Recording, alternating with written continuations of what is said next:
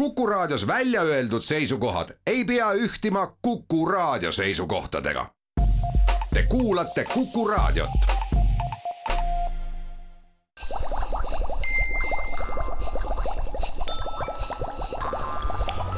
kukkuv õun head Kuku kuulajad, Kuku Õun eetris, mina saatejuht Marek Strandberg ja oleme neljakesi täna stuudios koos Postimehe teadustoimetuse ajakirjanike Mari-Liis Kolgi, Sten Koolmani ja Kaido Einamaga. mida me arutada võtame, on see, et kõigile meile on silma torganud mitte ainult möödunud nädalal, vaid möödunud aastatel juba see, millisel pisitasalisel moel tehisintellekti teema aina rohkem ja rohkem maailmas laineid lööb ja enamgi veel üks uudis, mis äh, möödunud nädalal meieni jõudis, oli ju see, et äh, arvutati välja, millal siis saabub see palju oodatud ja kardetud ja kes teab veel mida, singulaarsuse hetk. ja see arvutati välja üsna omapärasel moel. Kaido, mismoodi see välja nägi? no kõigepealt äh, singulaarsus siis on see hetk, kui masinad peaksid oma tarkuse poolest inimkonda ületama ja selle arvutas välja üks äh, Itaalia tõlkefirma juht, kes on ühtlasi ka arvutiteadlane ja pakkus välja sellise mõõdiku nagu masintõlke paranemise kiirus ja siis tekkis selline lineaarne graafik, mis osutas tulevikus aastasse kaks tuhat kolmkümmend. kas kuupäev ja kellaaeg oli ka sealt võimalik välja tuletada või mitte? no kes teab, võib-olla oleks võimalik ka, kui arvutustega väga täpseks minna, aga noh, muidugi tegelikus elus kindlasti on see ebamäärasus väga suur. Aga no asjaolu on ju selline, et tõlked tõepoolest, et kui me mäletame tõlgete kvaliteeti, mida pakkus Google, noh, ma ei tea, kümme või viisteist aastat tagasi, kui see olemas oli, siis see oli naljanumber. tõlgid ühtepidi, tõlgid tagasi ja see oli nagu omaette anekdoot või paras komöödia, täna seda enam ei ole. Jaa, täna räägib äh, tehisintellekt ka kõikvõimalikel muudel teemadel üsna vabalt kuigi noh, seda võib eh, praegu ikkagi pidada ka ütleme, tehisintellekti uuteks trikkideks, et ta oskab neid trikke niivõrd hästi teha, et, et meile tundub, et ta juba nagu mõtlebki ise midagi välja Mari-Liis, sa ennem saate algust, kui me lobisesime maast ja ilmast, muuhulgas esitasid tehisintellektile küsimuse selle kohta, et kas tehisintellekt võiks mingil hetkel üle võtta, no mis ju inimesi ehk kõige rohkem hirmutab äh, ja asuda näiteks diktaatori positsioonile, mida tehisintellekt vastas sulle? ja tehisintellekt, äh, chat GPT vastas mulle väga endale omaselt ümmarguselt ja, ja väga viisakalt, et on ebatõenäoline, et tehisintellekt lähitulevikus võtaks ähm, diktaatorite koha üle. ehk ta peab natuke õppima? Ehm, jah, seda ta siin ei ütle, aga, aga siin on ähm, pigem juttu sellest, et, et tegelikult võib-olla siin on filosoofiline küsimus, et ähm, et kui tehisintellekti on teinud inimesed ja seda kontrollivad inimesed ja sellega suhtlevad inimesed, et siis kas me saame öelda, et, et selle taga kuidagi ei ole inimene. Ja, ja vist on siin ka probleem tegelikult sellega, nagu me samuti enne arutasime, et diktaatorid kipuvad äh, hoidma infot enda kohta saladuses, ehk siis tõesti raske on õppida diktaatoriks. Kas äh, diktaator võib osutuda olema selles situatsioonis, et ta on võimeline tehisintellekti ehk manipuleerima ja mitte tehisintellekti ei võta inimkonda üle, vaid erinevad diktaatorid, kellel on õnnestunud varjata oma tegelikku olemust, võtavad üle tehisintellekti ja kasutavad seda nii, nagu muudki inimesed, paremaks teiste inimeste juhtimiseks ja kontrollimiseks. ma arvan, et see on tunduvalt lihtsam ülesanne jah, kui vastupidi, et, et äh, on ju võimalik ähm, vastavat infot tehisintellektile sisse sööta ja, ja teda välja koolitada mm, siis äh, enda eelistustele vastavalt Sten, sinu põhiline fookus on Postimehes tegeleda e-spordi mängude ja muu sellise asjaga. ma saan aru, et kui inimene mängib nii-öelda arvuti vastu, siis arvuti loomu poolest ju teab, milline see mäng on ja võib-olla oskab ette aimata mitte nüüd tehisintellekti pealt, vaid algoritmi tundmise pealt. kas ka selliseid juhtumeid on, kus inimene ja masin mõlemad mängu väljamõtleja poolt loodud mängu kallal askeldavad ja võitlevad üksteise vastu ja siis me saame kaaluda, kumb on osavam mängureegleid aimama ja ette aimama? see oli väga pikk küsimus äh,, aga ma arvan, et nagu mitte väga, siin äh, jah, üks, äh, üks ähm, selline eksperiment oli, kus pandi tehisintelligents, intelligents äh, mängima lauamänge ja ja seal natukene inimestele vastupanu osutama, aga videomängudes ta nagu jõudnud ei ole, videomängudes on ikka veel need klassikalised äh, Äh, algoritmid, äh, mis muidugi on aastatega arenenud, et äh, kui algselt võib-olla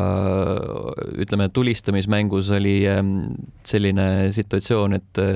tehisintelligent, intelligents oskab äh, kuskile seina taha korraks peitu minna ja siis sealt pea välja pista, siis tänapäeval on juba äh, süsteemid nii kaugel, et äh, analüüsitakse mängija taktikat ja siis tehakse neid endapoolseid strateegiaid vastavalt sellele, et hiilitakse selja taha ja tehakse väikseid selliseid petteliigutusi ja nii edasi. Kaido, kui laialt nagu sinu vaatamist mööda tänasel hetkel tehisintellekt kõikidesse elusfääridesse on läinud teadupoolest ju ka meil Riigikantselei on välja kuulutanud äh, selle, et oodatakse tehisintellekti katsetajaid ja mida kõike veel. Ameerikas äh, mitte ainult kohtuotsuseid, vaid ka uurimist viivad läbi erinevad tehisintellektsed süsteemid, mida siis kohtud ühel või teisel moel aktsepteerivad, kui suur risk see on, et äh, inimese kõrvale tuleb otsustamismasin, mille loomust me ei tea, aga mida me peame ühel või teisel moel usaldama või kohustab seadus meid sellist asja usaldama? no teadlased ütlevad veel, et äh, tehisintellekti ei ole põhjust karta, et see ikkagi on noh, praegu inimese enda kontrolli all ja inimese enda välja töötatud. aga mida äh, tasub karta, on tehisintellekti liigset usaldamist, et äh, tehisintellekt võib siiski noh, paljudes tähtsates küsimustes vigu teha, kas või näiteks seesama USA äh, kohtus käiv tehisintellekti äh, masin, et ta võib küll sosistada päris advokaadile kõrva vastuseid, aga lõpliku otsuse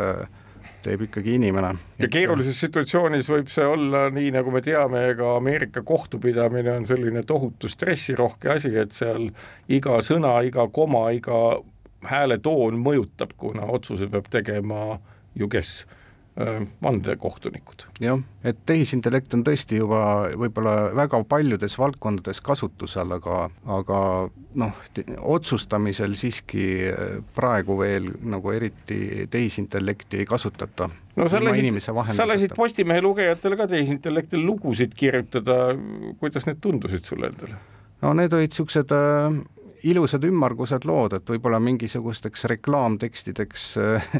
võivad isegi sobida, kui tehisintellektile väga täpselt ette anda, et millest, millist toodet ja kuidas tekst peab äh, kiitma, siis ma arvan, et sellega saaks tehisintellekt päris hästi hakkama. Mõne aasta eest oli IBM-i üks äh, väitlusrobot, tehisintellektne avalikkuse ees diskuteerimas üsna keerulisel teemal nagu koolide avalikust rahast ülalpeet-, ülalpidamise teemal inimesega, kes oli nii-öelda väitluse maailmameister väitluskunstis või väitlusspordis, kuidas seda iganes nimetada, ja vaatajad ütlesid, et no ainuke asi, mille tõttu nad kaldusid inimese kasuks, oli lihtsalt see, et kõnesüntesaator, mis oli tehisintellekti küljes, oli väga puine kas me võime oodata mingit hetke, kui me tegelikult suhtlemisel üldse vahet ei tee, kas me räägime masina või inimesega? see on väga keeruline küsimus. Ehm,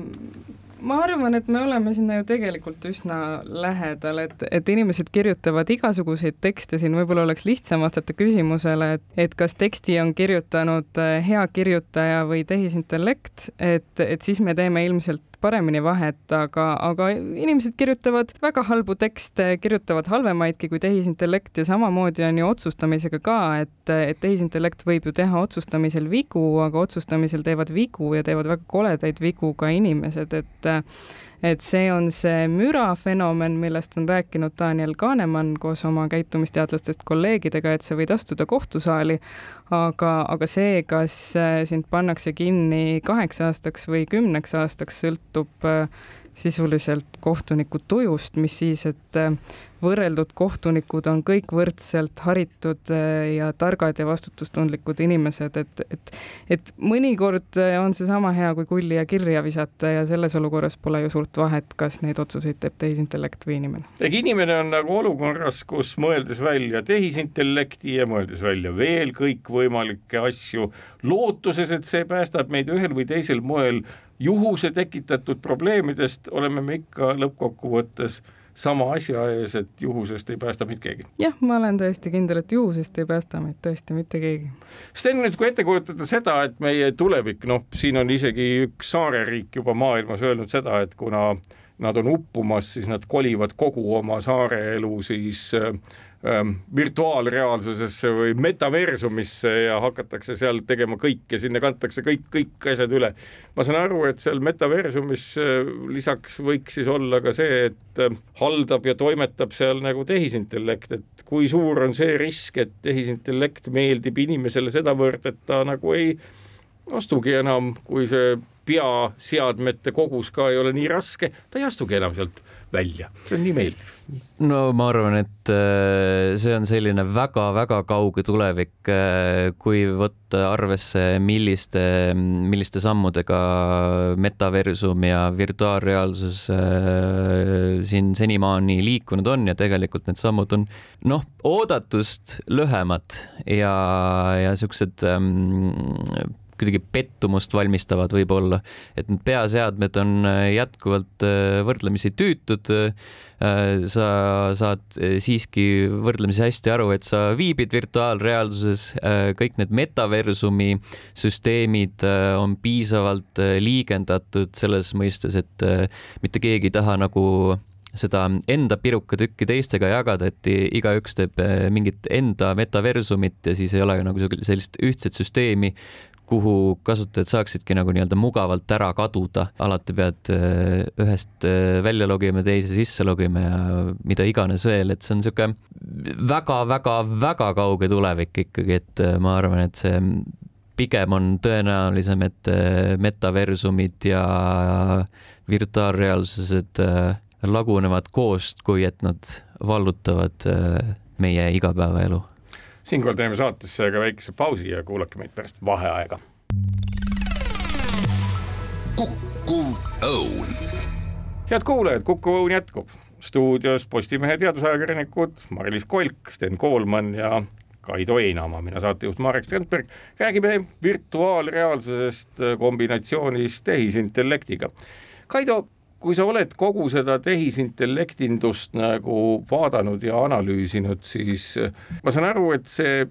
hirm, mis inimestel olnud on, et ahhaa, et nüüd me suudame siin, masin suudab kontrollida inimese tegevust igatepidi ja anda talle juhtnööre, et see on asendunud hoopis peenema värgiga. masin on oma tehnoloogilises võimekuses nii meeldiv, äh, nii sõnaosav et äh, ta jätab nagu sellise noh, suhtleja mulje koheselt, et noh, või noh, kas nüüd koheselt, mõne aja pärast juba koheselt, et mitte ei ole see vägivald, vaid vastupidi, selline meeldivus, millega meid konksu otsa võetakse ja kas on üldse konks? nojah, tegelikult on äh, välja mõeldud kolm stsenaariumi, mis, mis meid tabavad, kui tehisintellekt nii-öelda võimule pääseb, nii et ähm, me peame lihtsalt praegu ennustama, et äh, milline neist stsenaariumitest siis käiku läheb, et üks stsenaarium on tõesti see, et tehisintellekt hakkab inimese suureks sõbraks ja austab inimest kui inimese, inimene kui tema looja on ikkagi nagu puutumatu ja siis üritab inimese elu võimalikult mugavaks ja heaks teha.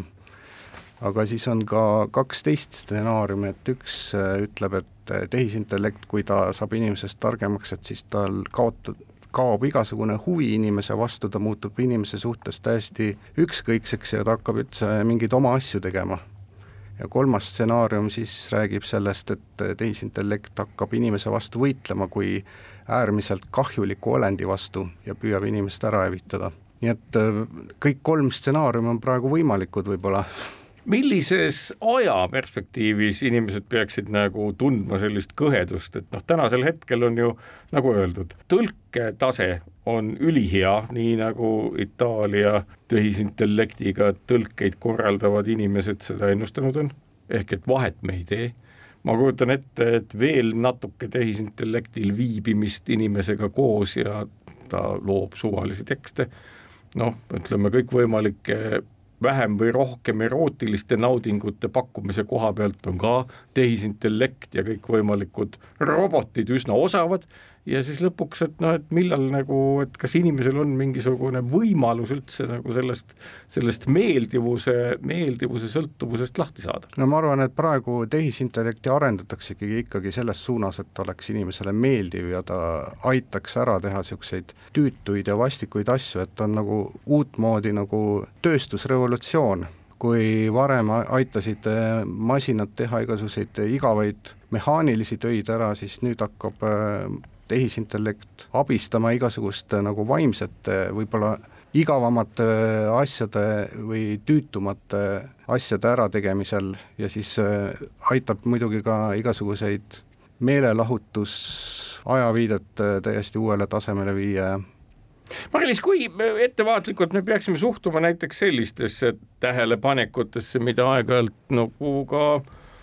riigi poolt tehakse, öeldakse, oo, tulevik on meil ju selline, et ega meil ei ole vaja muud kui märksõnad sisestada, esitada õiged küsimused tehisintellektile, otsingumootoritele ja mida iganes veel, saada need vastused kätte ja neid siis öö,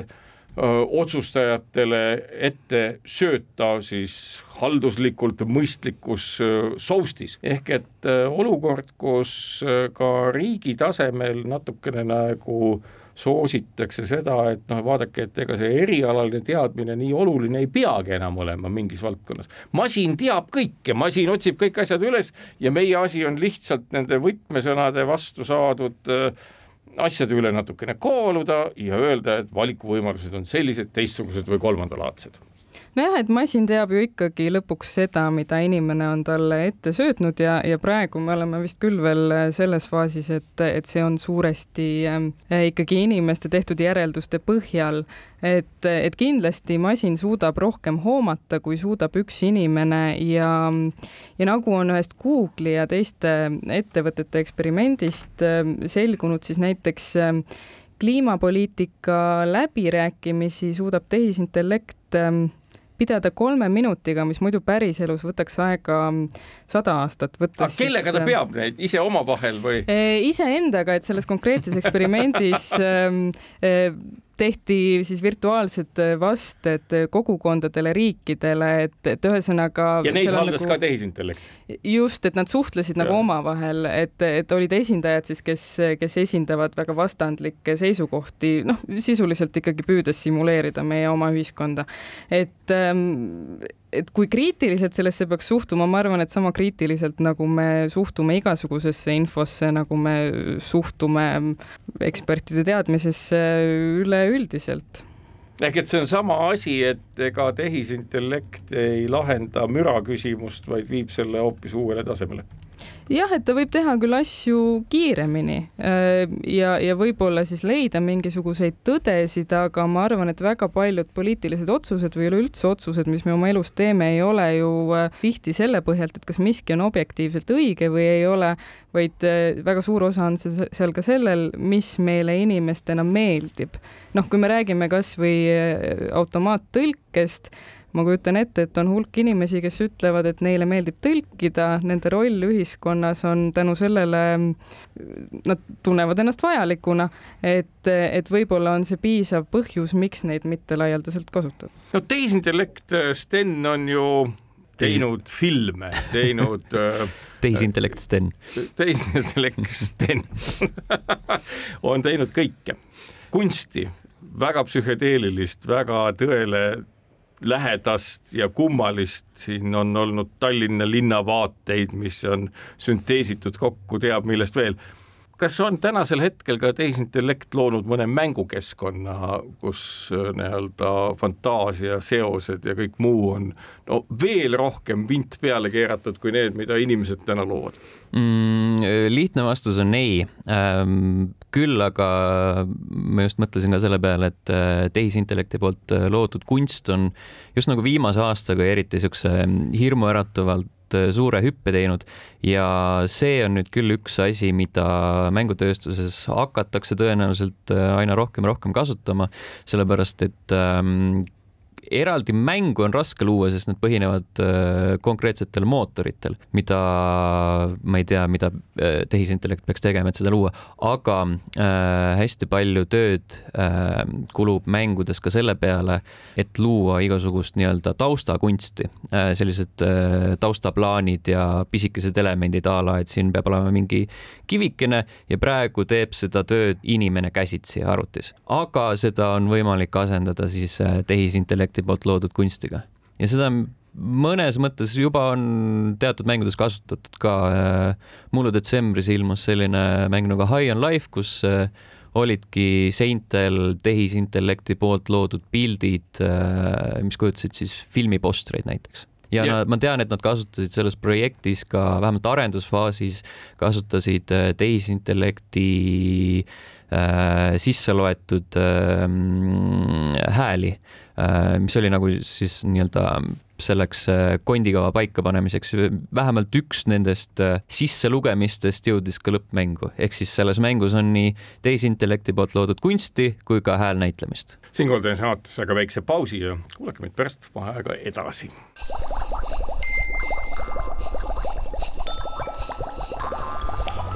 kukkuv õun head kuulajad, Kuku Õun jätkub, külas Postimehe teadusajakirjanikud Mari-Liis Kolk, Sten Koolman ja Kaido Einamaa, mina saatejuht Marek Strandberg. üks teemade ring, mis äh, üsna selline oluline ongi ju see, et tehisintellekt suudab nii-öelda aina rohkem ja rohkem kõik need äh, deepfake ilmingud, kus keegi on ilmeksimatult tõepäraselt järgi tehtud oma näo ja häälega lõppkokkuvõttes see maailm võibki ju kokku pandud saada täiesti kummalistest asjadest, millel pole tegelikkusega mingit pistmist, kus inimesed, kes meile on tuttavad, räägivad meile tuttava häälega mingeid asju, tekitavad uut tõde, mida, mida on raske lahti muukida. kas selle vastu on mõni meetod olemas, kuidas öelda, oot-oot-oot-oot-oot, kui ma nüüd lasen selle programmi kontrollima, siis ta ütleb mulle jah, vaat see oli nüüd äh, Äh, valevärk ja pettukraam, kuigi väga tõepärane. no ainukene vahend ilmselt selle vastu on teine tehisintellekt. Äh, aga kui nad kokku lepivad, noh, mida me kahtleme? noh, tegelikult äh, tulles selle juura teema juurde tagasi, et Ameerikas on, eks ole, tehisintellekt, kes kaitseb inimesi kohtus. Eestis ju planeeriti ka sellist tehisintellekti riigi valitsemises, kus näiteks masin otsustab lihtsamad äh, trahvid või mingid li-, pisirikkumised ära ja kui inimene sellega nõus ei ole, et siis ta saab nagu edasi kohtus vaielda. et põhimõtteliselt äh, noh, kui nüüd lasta need kaks tehisintellekti kokku, on sama olukord, et et firma, kes pakub tehisintellektiga kaitset, satub võib-olla kokku äh, riigi poolt pakutud tehisintellektiga kohtunikuga ja siis nad jäävad omavahel vaidlema. ja otsustavad inimese üle jah. kui see otsus on noh, nii-öelda inimese halduskäitumise või muu asja üle on üks asi, aga tehisintellekt ju otsustab üsna sageli ja aina enam ja enam ka meie terviseküsimusi, küll analüüsib üht või teist äh, röntgenpilti või keerulisematki kolmemõõtmelist kujutist. kas meditsiinis julgetakse täna nii-öelda suurema uljusega anda oma elu ja tervist tehisintellekti kätte? Eks see on ka keeruline küsimus, usalduse küsimus ka kindlasti, et äh, tehisintellekt peab enne jõudma, ütleme, piisavalt kindlaks, et äh, ta ei teeks enam äh, olulistes küsimustes vigu, aga üks asi, millest ta võib nagu kohe aidata, ma arvan, et ta on nii-öelda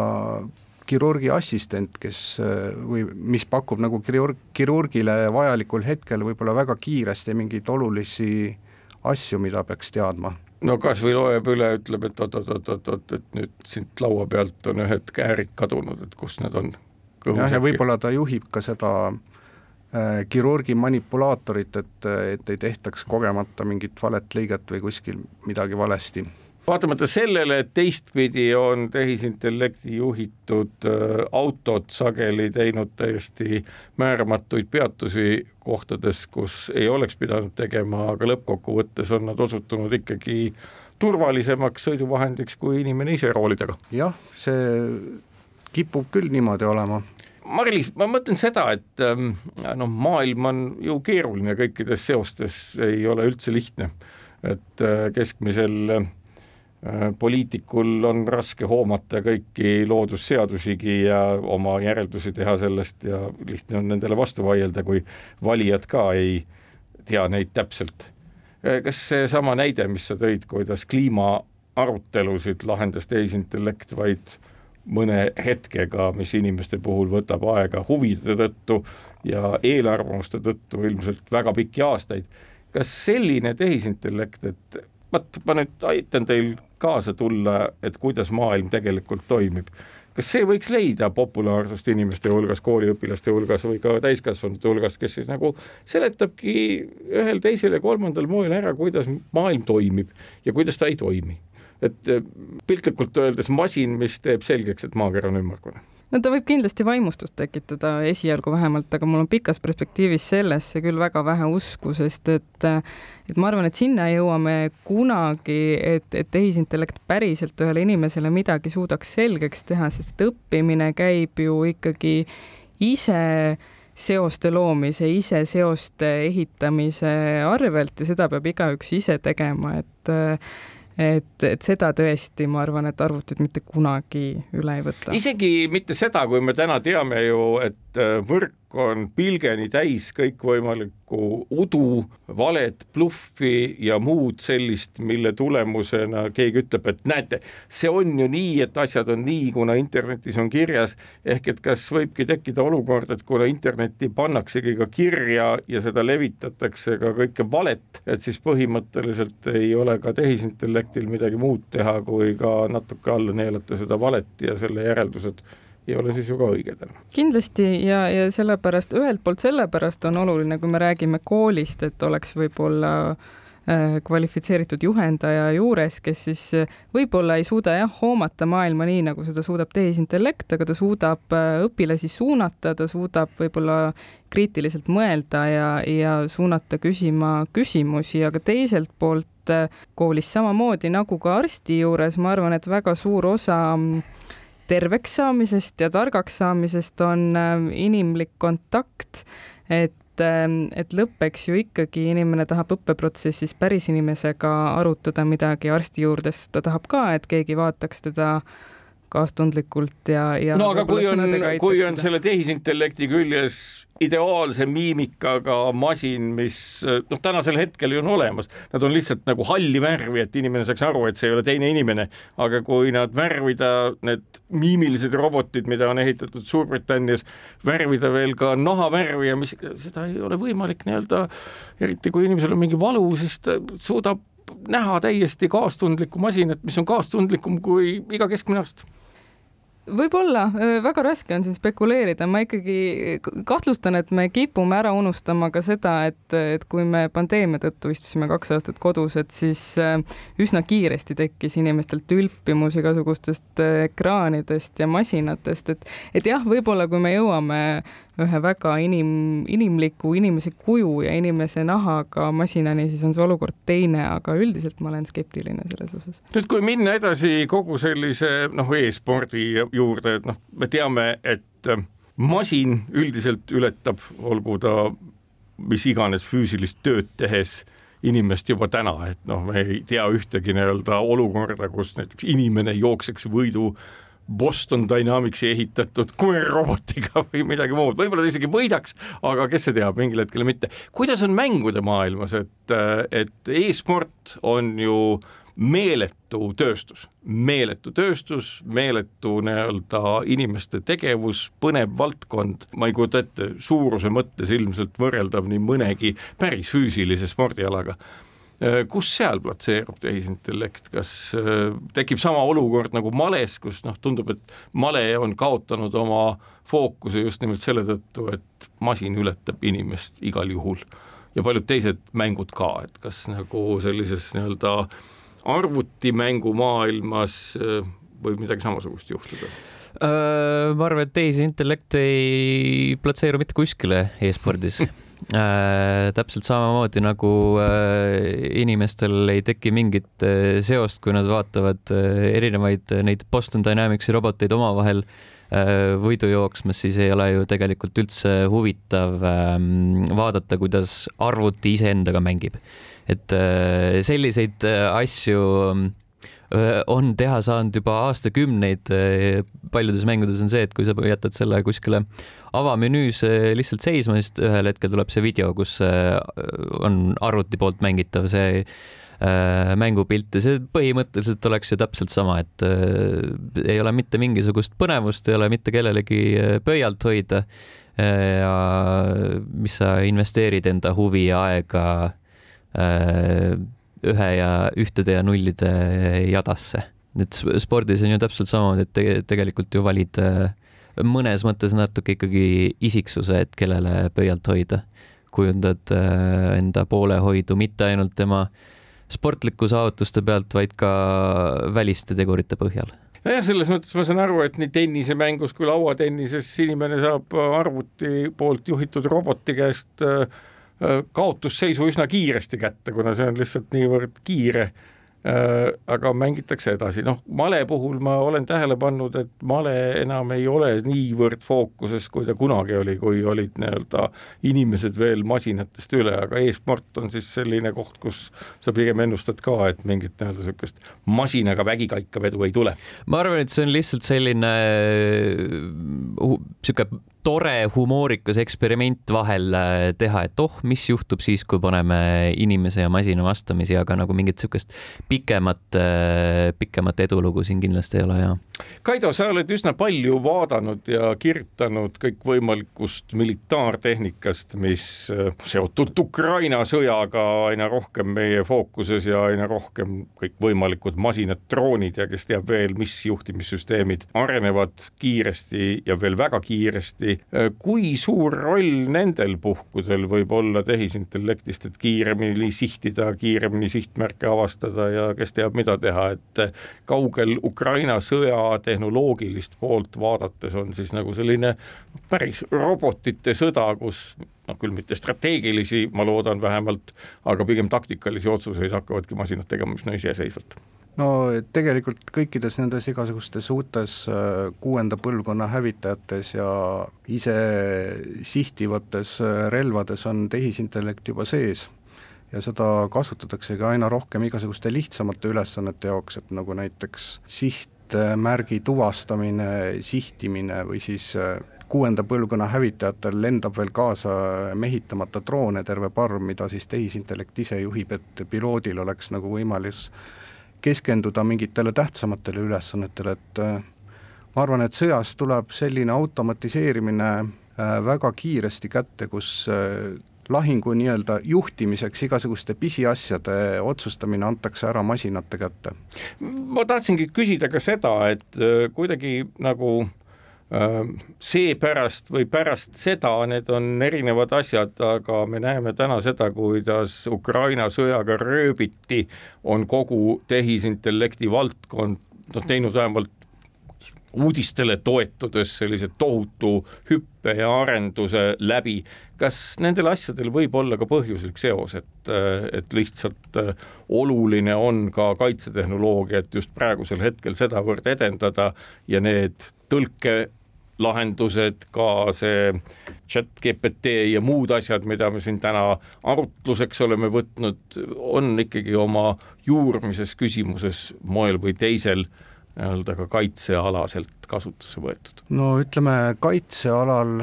võiks jah, tehisintellekti osa olla pigem jah, selles, et ta lihtsustab igasuguseid äh, otsustamisi ja noh, ütleme, jätab nagu äh, inimesele rohkem äh, võimalusi otsustada tähtsaid asju lahingus ja kõikvõimalikud tehnilised asjad liiguvad tõesti aina rohkem tehisintellekti suunas. Kas või näiteks need Eesti droonid, mis suudavad tuvastada nagu väga kaugelt vaenlase lahingutehnikat, siis nad annavad inimesele täpsed koordinaadid ja info, mis selles kohas on ja siis inimesele jääb äh, nagu üle ainult otsustada, et kas ta vajutab nüüd nuppu ja saadab sinnapoole teele raketi või, või mitte. Ja igasugused muud koordinaadide arvutused ja tehniline töö jääb nagu ära. ehk et masin on ikkagi see võtmeküsimus, mis võiks olla see, kes võidab antud juhul ka Ukraina sõja või on seal mingi lootus, et näiteks rauahunniku suurus on lõppkokkuvõttes see, mis määrab või sinu sisetunne ütleb, et võidab see, kes nutikam? no ma pigem arvan, et äh, nutikus võidab selles mõttes, et äh, et äh, rauda peab ikka väga palju siis vastu panema sellele. siinkohal teeme saatesse ka väikse pausi ja kuulake meid pärast vaheaega edasi. kukkuv õun head Kuku kuulajad, Kuku Õun jätkub, mina saatejuht Marek Strandberg, külas kolleegid Postimehe teadustoimetusest Mari-Liis Kolk, Sten Koolman ja Kaido Einamaa. Mari-Liis, kui palju tänasel hetkel, kui me tuleme nagu selle juurde, et iseenesest ju keskkonna kohta kõikvõimalikku informatsiooni üliväga palju. Tehiskaaslased jälgivad seda, mis maa peal toimub, põhimõtteliselt me võime kiht-kihi haaval vaadata, kuidas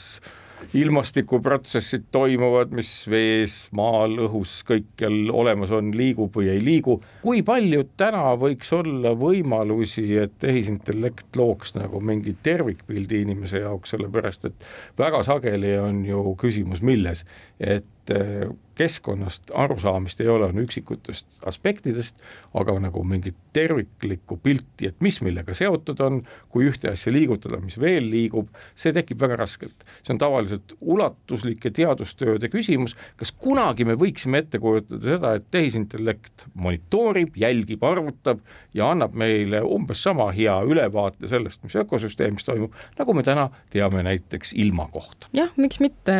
eks, eks selle nimel tuleb tuleb siis inimestel kõvasti veel mõned aastad tööd teha, kuigi ma arvan, et, et laias laastus on ju on ju inimeste teadmine mm, igasugusest äh, keskkonna vastasmõjust pigem hea, probleem on selles ju eelkõige see, et, et võib-olla meid ei huvita see või et äh, me tahame keskenduda ühele kitsale valdkonnale. ehk et kui no jällegi, et äh, kui tehisintellekti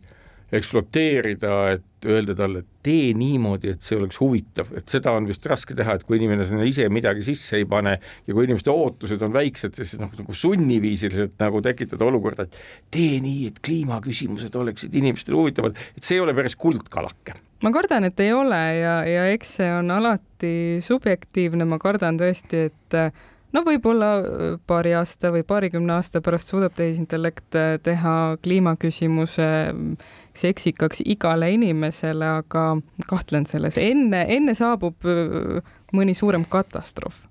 Ma lähen nüüd küsimusega edasi, kas ma võin paluda, et sa teed kiire küsimise nii-öelda sellele samale tehisintellektile ja pärid seda, et kuidas teha kliimateemad inimesele huvitavaks, et kui ma ringiga sulle tagasi jõuan, et vaatame, mida on tehisintellekt vastanud. Sten, selline asi, et kui palju me saame ette kujutada, et tehisintellekt muudab näiteks sellise inimesest paremini aru saades neid dimensioone, milles nii-öelda mängud eksisteerivad ja mis inimeste jaoks on põnevad või need on nii fundamentaalsed, et seal nagu jälita kedagi, tapa kedagi, jookse kellestki kiiremini, et seal nagu mingit uut sellist, noh, ma ei oska öelda, mustrit või, või, või teemat äh, välja mõelda on üsna raske, kuigi noh, me teame, et ju aegade jooksul äh, kunst, filmikunst, mis iganes, on kogu aeg nagu arenenud, me oleme montaaži ja muude trikkidega saavutanud täiesti uusi elamusi, et mängud jäävad ikka mängudeks, nii nagu nad on kogu aeg. Äh, jah, siin juba saates on ju korra mainitud, et tehisintellekt äh, teab seda, mida inimene talle õpetab ja siis on nagu raske ka uute uute žanritega lagedale tulla, kui neid ei ole veel välja mõeldud, et need kõige põnevamad äh, siuksed innovatsioonid mängutööstuses pärinevad ikka, ikka inimeste kupli alt, mitte, mitte robotitelt. no samas teistpidi ju, kui üsna olemasolevad juba teadusartiklidki tehisintellektile pureda antakse ja ähm, palutakse nii-öelda üle vaadata, siis nii mõnigi, noh, need ei ole muidugi põhjalikud erisused, aga väiksed nüansid on inimesele jäänud tähelepanuta ja midagi uut sealt ikka kinni püütakse, nii et äh, aga sulle tundub, et mängude vallas nagu sellist nagu kardinaalset muutust, et oh, nüüd tuli mingi täiesti uus asi, tehisintellekt mõtles välja mingi täiesti uue ja väga kirgliku aspekti, seda meil ei maksa ei oodata ega karta. Pigem ei jää, äh, jääb selliseks ikka ähm, kas just äh, täielikult äh, kunstiinimeste valdkonnaks, aga ikkagi nagu sihuke, see pigem selline äh, loov, loov värk, jah. meist neljast, Kaido, oled sa kõige pikemalt töötanud ajakirjanduses ja ma ütlen seda, et kas näiteks seesama asjaolu, et nüüd, kui põhimõtteliselt tehisintellekti võime tõlkida erinevatest keeltest erinevatesse keeltesse on väga-väga hea, nagu me täna seda teame, ehm, nii nagu ehm, digitaalne keskkond suretab lõppkokkuvõttes välja paberile trükitava ajalehe, kas ehm, meil võiks olla ka seda hirmu, et tehisintellekt muutub selliseks, et vahendab küll mitte ise välja mõeldud uudiseid, aga võõrkeelseid globaalseid uudiseid eesti keelde ja eesti keelest sellesse muusse keelde nii efektiivselt, et tavapärane ajakirjandus, nii nagu me seda nägema oleme harjunud, kõigi nende töötajatega kaotab mingil hetkel samuti mõtte ja ma arvan, et see on nagu äh, oli eelmise sajandi tööstusrevolutsioon, et äh, ajakirjanikele jäävad äh, veel põnevamad ja veel huvitavamad väljakutsed ja nad ei pea võib-olla, no võib-olla mõni ajakirjanik kindlasti tahab teha välisuudiseid ka ja see on tema jaoks põnev, aga on võimalus teha, keskenduda noh, sellele, mida sa ise tahad teha rohkem. lihtsaid uudiseid teeb tehisintellekt ja võib-olla inimene vaatab ainult üle et millised on avaldamist väärt toimetaja arvates ja millised mitte ehk et ikkagi inimloomuses vaatamata tehisintellektile jäävad alati asjad, mida saab teine inimene paremini juurelda ja puurida kui masin. jah, ütleme masinate kasutamise eesmärk äh, ongi võtta ju ära selliseid igavamaid ja ebameeldivamaid töid, mida nagu väga hästi ei taheta teha, et jääks aega rohkem huvitavamate ja põnevamate asjade jaoks. ehk inimtöö ei kao, mida ütles Mari-Liis nüüd meile mm, chat GPT selle küsimuse kohta, kuidas äh, kliimateema või keskkonnateema põnevaks muuta? vastus oli ümmargune, loodan, või konkreetne, loodan veel rohkem? vastus oli noh, midagi seal vahepeal, et minu jaoks täiesti ootuspäraselt pettumust valmistav, et ta ei ähm,, ei tulnud lagedale mitte ühegi ähm, uue ideega või, või millegagi, millest me igapäevaselt ei räägiks, et, et eks ta ütleb, et tuleb ähm, harida inimesi ja tuleb neile näidata, kuidas kliimamuutused neid siis isiklikult mõjutavad ja, ja siin tegelikult noh, tore on see, et, et rõhutakse sellele kogukonna vastutusele ja üksteisega suhtlemisele, et, et ka kliimamuutustega toimetulemiseks on vaja empaatiat kasvatada. huvitav, kas talle on seda õpetatud või ta on selle ise taibanud? No ta on vist ise õppinud äh, käsu peale, et, et, et noh, kogu see info siin on ju minu jaoks kindlasti see, mis, mis käib igapäevasest diskussioonist läbi. Äh, Sten,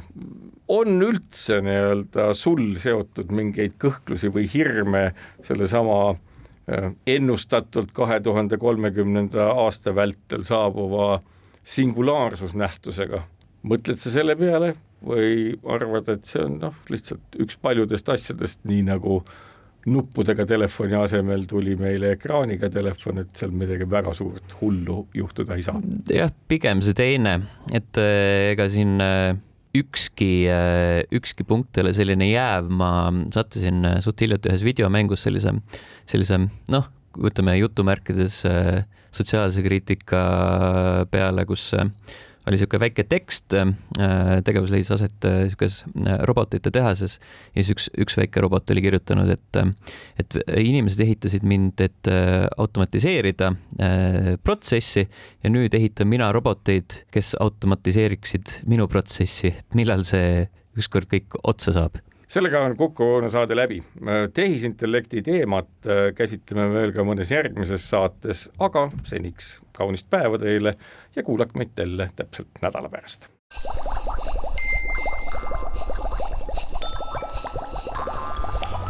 kukkuv õun